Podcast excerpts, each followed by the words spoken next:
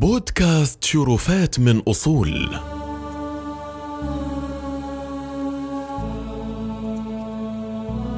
ارتكزت هذه الحلقة على قصة رئيس غامبيا ديفيد كيربا الواردة في كتاب عظماء اسلموا وقد اختصرت وعدلت بما يتناسب ومقتضيات الإنتاج الصوتي.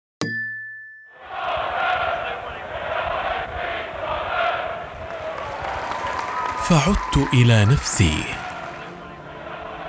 تمكنت أخيرا من تحقيق ما أريد وقد أعلن قيام جمهورية غامبيا واستقلالها عن المستعمر البريطاني عام 1965 للميلاد. بعد سنوات من النضال كان هذا نصرا منتزعا من فم الأسد يكفي لأن يدير الرؤوس ويصيب الشبان الحالمين من أمثالنا في ذلك الوقت بدوار السلطة. كانت تلك معركة كبرى سلخت من أعمارنا نصف قرن. وما كان أسعدنا حينئذ ونحن ننتشل وطننا من وهدة الاحتلال والتخلف والضياع الفكري والاقتصادي. لكنه كان نصرا لإرضاء النفس وغرورها. أما فطرة النفس فأخذت تحضني على خوض المعركة الكبرى. معركتي مع نفسي. كنت أشعر دائما بأن لي قلبين في جوفي قلبا لي وقلبا علي. أما القلب الذي لي فكان يدفعني إلى الدراسة والسياسة وخوض معركة الحياة. وأما القلب الذي علي فكان ما يفتأ يلقي على عقلي وقلبي سؤالا هو من أنت؟ كان الصوت يخرج من داخلي يقول لي عد إلى ذاتك اكتشف المعدن الثمين الذي بداخلك.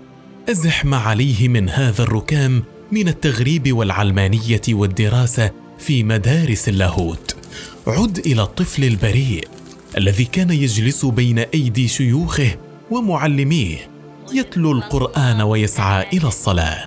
الله الصمد. هنا أحسست بأن قلبي يصدقني وأن لا شيء في الدنيا يعدل أن يكسب الإنسان العالم ويخسر نفسه.